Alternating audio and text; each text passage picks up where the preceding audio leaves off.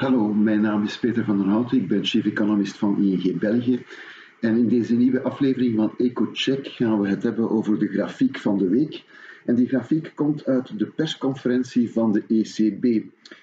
Vorige week was het een vergadering van de ECB om het monetaire beleid te bepalen.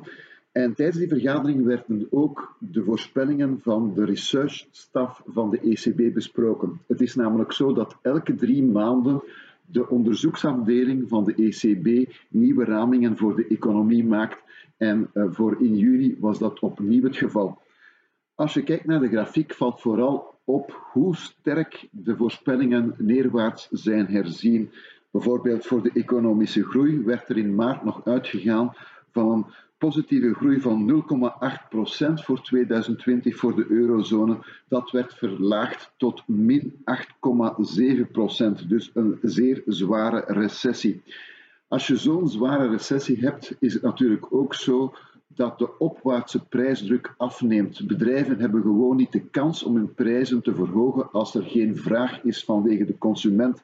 En dat wordt ook gereflecteerd in de nieuwe inflatievoorspellingen van de ECB, die ook fors werden verlaagd. En voor dit jaar gaat de ECB nu uit van een inflatie van 0,3%, voor volgend jaar 0,8% en voor 2022 nog altijd maar 1,3%. Als je weet dat de ECB mikt op een inflatie die dicht tegen de 2% ligt, betekent dat uiteraard dat de inflatie nog altijd te laag is. En dus werd er besloten om de economie verder te stimuleren, zodanig dat die prijzen wat meer zouden gaan stijgen.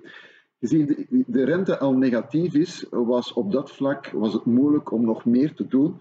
En dus heeft de ECB besloten om haar aankoopprogramma van activa, vooral van overheidsobligatie, nog op te schroeven. En men heeft uh, eh, 600 miljard, of men gaat 600 miljard uh, bijkomende activa opkopen in het PEPP-programma. Dat is een aankoopprogramma dat speciaal werd beslist na de uitbraak van het coronavirus. Met deze bijkomende aankopen probeert de ECB meer geld in de economie te pompen, de lange termijnrente laag te houden, de financieringsvoorwaarden voor overheden en bedrijven en gezinnen laag te houden, zodanig dat de economie een duw in de rug krijgt en de prijzen weer kunnen gaan stijgen. Dit was het voor deze week. Dank u om te luisteren.